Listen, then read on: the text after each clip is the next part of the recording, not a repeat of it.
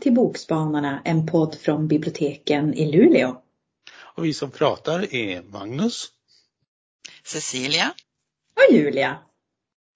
Och nu ska vi ta det ganska kallt för eh, temat för det här avsnittet är snö. Man kan säga att vi ska vara jättekola idag. Oh. Vad tycker ni om snön? Jag har ett väldigt kluvet förhållande till snö. Jag tycker det, det kan vara jättevackert och underbart i december, i jultid, när man är ute och går i knastrande snö och det är dekorationer i fönstren.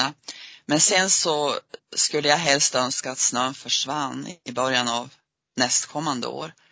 Jag är ingen stor vinterälskare. Men då missar man ju hela vårvintern när man kan gå på isen i solsken. Det, är det inte har dumt, du rätt det. i. Och det tycker jag är fantastiskt. Minus åtta grader, gassande sol där slutet på februari, början på mars. Åh, härligt. Då har vi något att se fram emot. Men det har ju de som lyssnar också, för nu ska vi börja prata böcker. Ja, och vad kan passa bättre än att prata om en bok som heter Inferno i snö.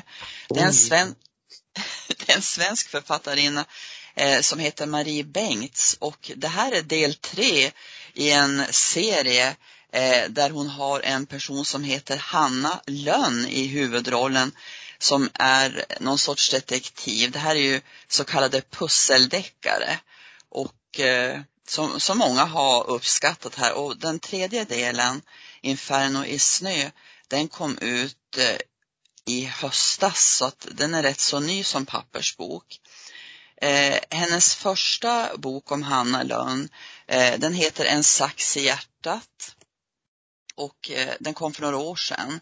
Undrar om hon har kommit ut med en bok om året tror jag och eh, den tyckte jag nästan var bäst av de här tre. Eh, den har en väldigt klurig vändning ganska långt in i boken som är eh, ingenting som man eh, tänker sig ska hända och som ställer allting på sin spets. Eh, den andra boken heter Döden klär i domino och där är det då mera eh, modevärlden som är i centrum och den här Hanna Lönn är ju också en ung sömmerska. Eh, det får hon inte så mycket användning av i den här senaste Inferno i snö.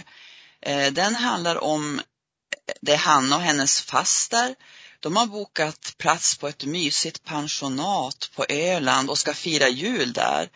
Men de hinner ju inte långt så kommer, de, kommer det en ordentlig snöstorm som sätter stopp för resan och de tvingas söka skydd eh, ja, på närmaste ställe så att säga och det är en, en gård som är allt annat än mysig.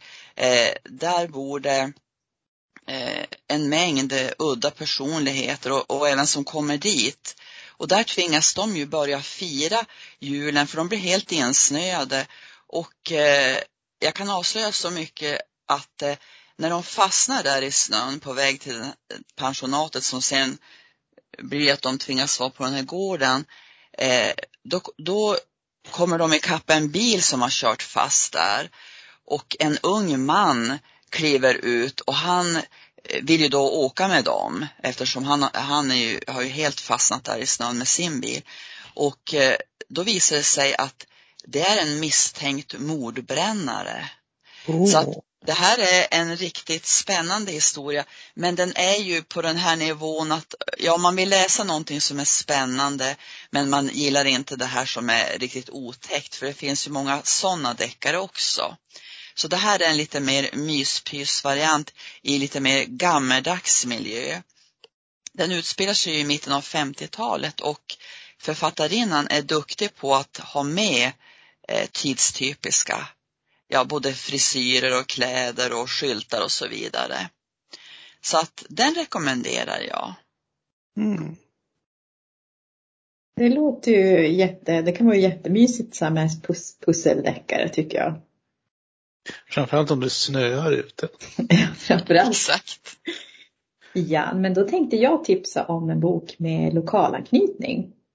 Och delar av den här boken utspelar sig på Hartsjön där även jag växt upp och som jag nu arbetar. Och det är Snö och potatis av Cecilia Hansson. Mm.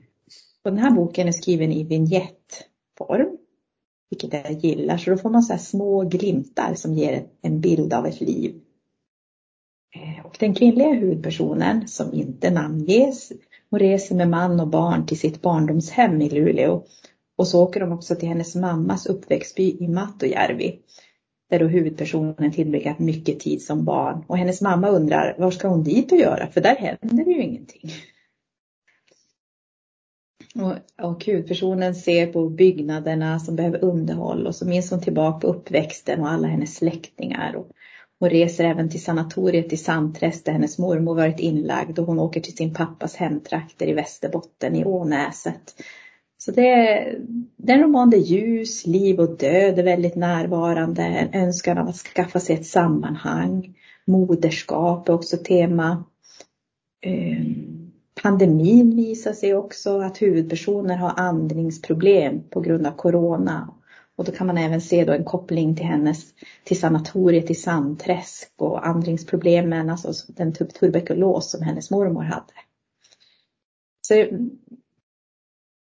det här med att se tillbaka på sin uppväxt och se tillbaka på sin släkt och hur har hon, den här, hur har hon påverkats att växa upp som hon gjorde? Är hon vuxen nu?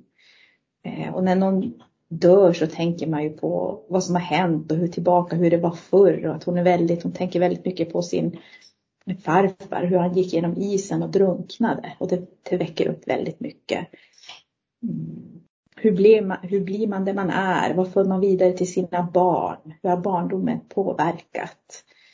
Eh, den här rädslan för döden. Också det här hon var lite mobbad när hon växte upp och den här skammen man känner när man har blivit mobbad, att hur, hur har den påverkat henne? Eh, jag tyckte det var en väldigt fin eh, bok som jag tycker alla ska läsa. Magnus, mm. vad har du för snötips?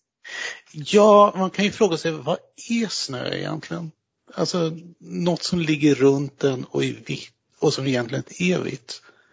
Därför om man då läser Ken Liverts Field Guide to Snowflakes så får man lära sig att eh, snön är egentligen helt genomskinlig. Det består av transparenta kristaller och att det är liksom reflexen från ljus som studsar i dem som gör att vi upplever det som vitt.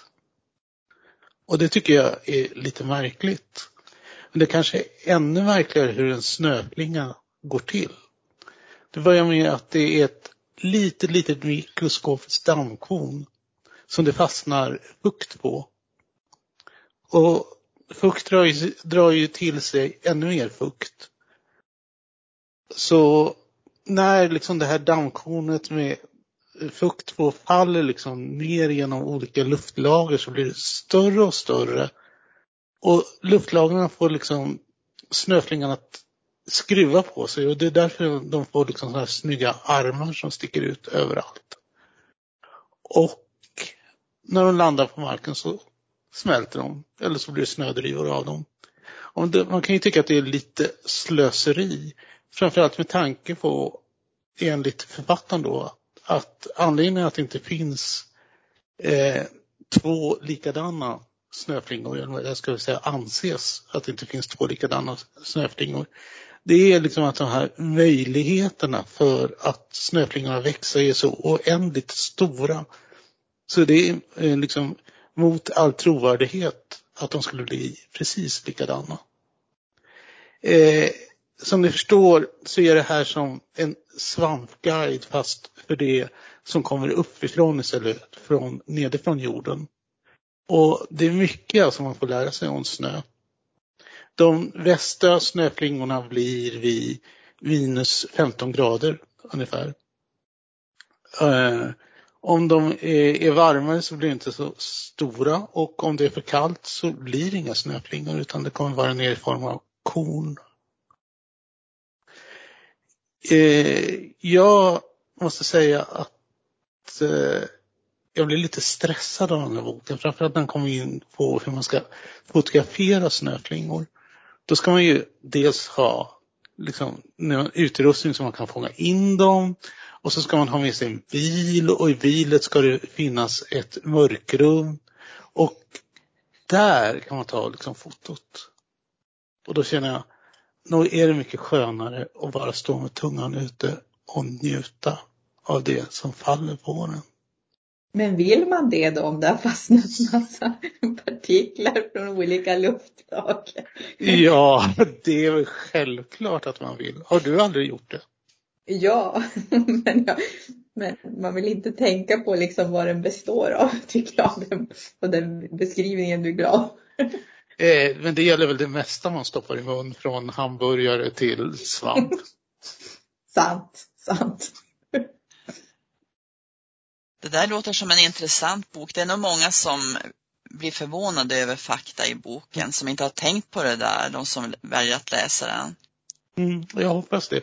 Den är väl värd och den är mycket roligare. Jag kan inte ge, ge rättvisa till den, därför det som verkligen lyfter den, det är ju fotona på snöflingorna. Det finns massor av foton och det, snöflingorna är till och med artbestämda. Vilket jag inte visste gick att göra. Fantastiskt. Absolut, men det känner vi att vi har någonting mer att tillägga i snö på snötips?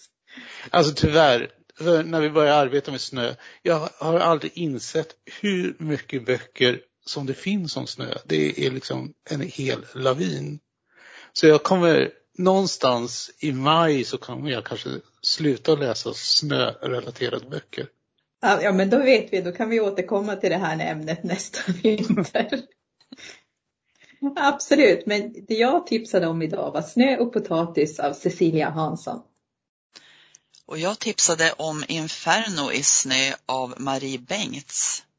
Och jag tipsade om Ken, Ken Liverts Field Guide to Snowflakes av Ken Livert, förvånansvärt nog.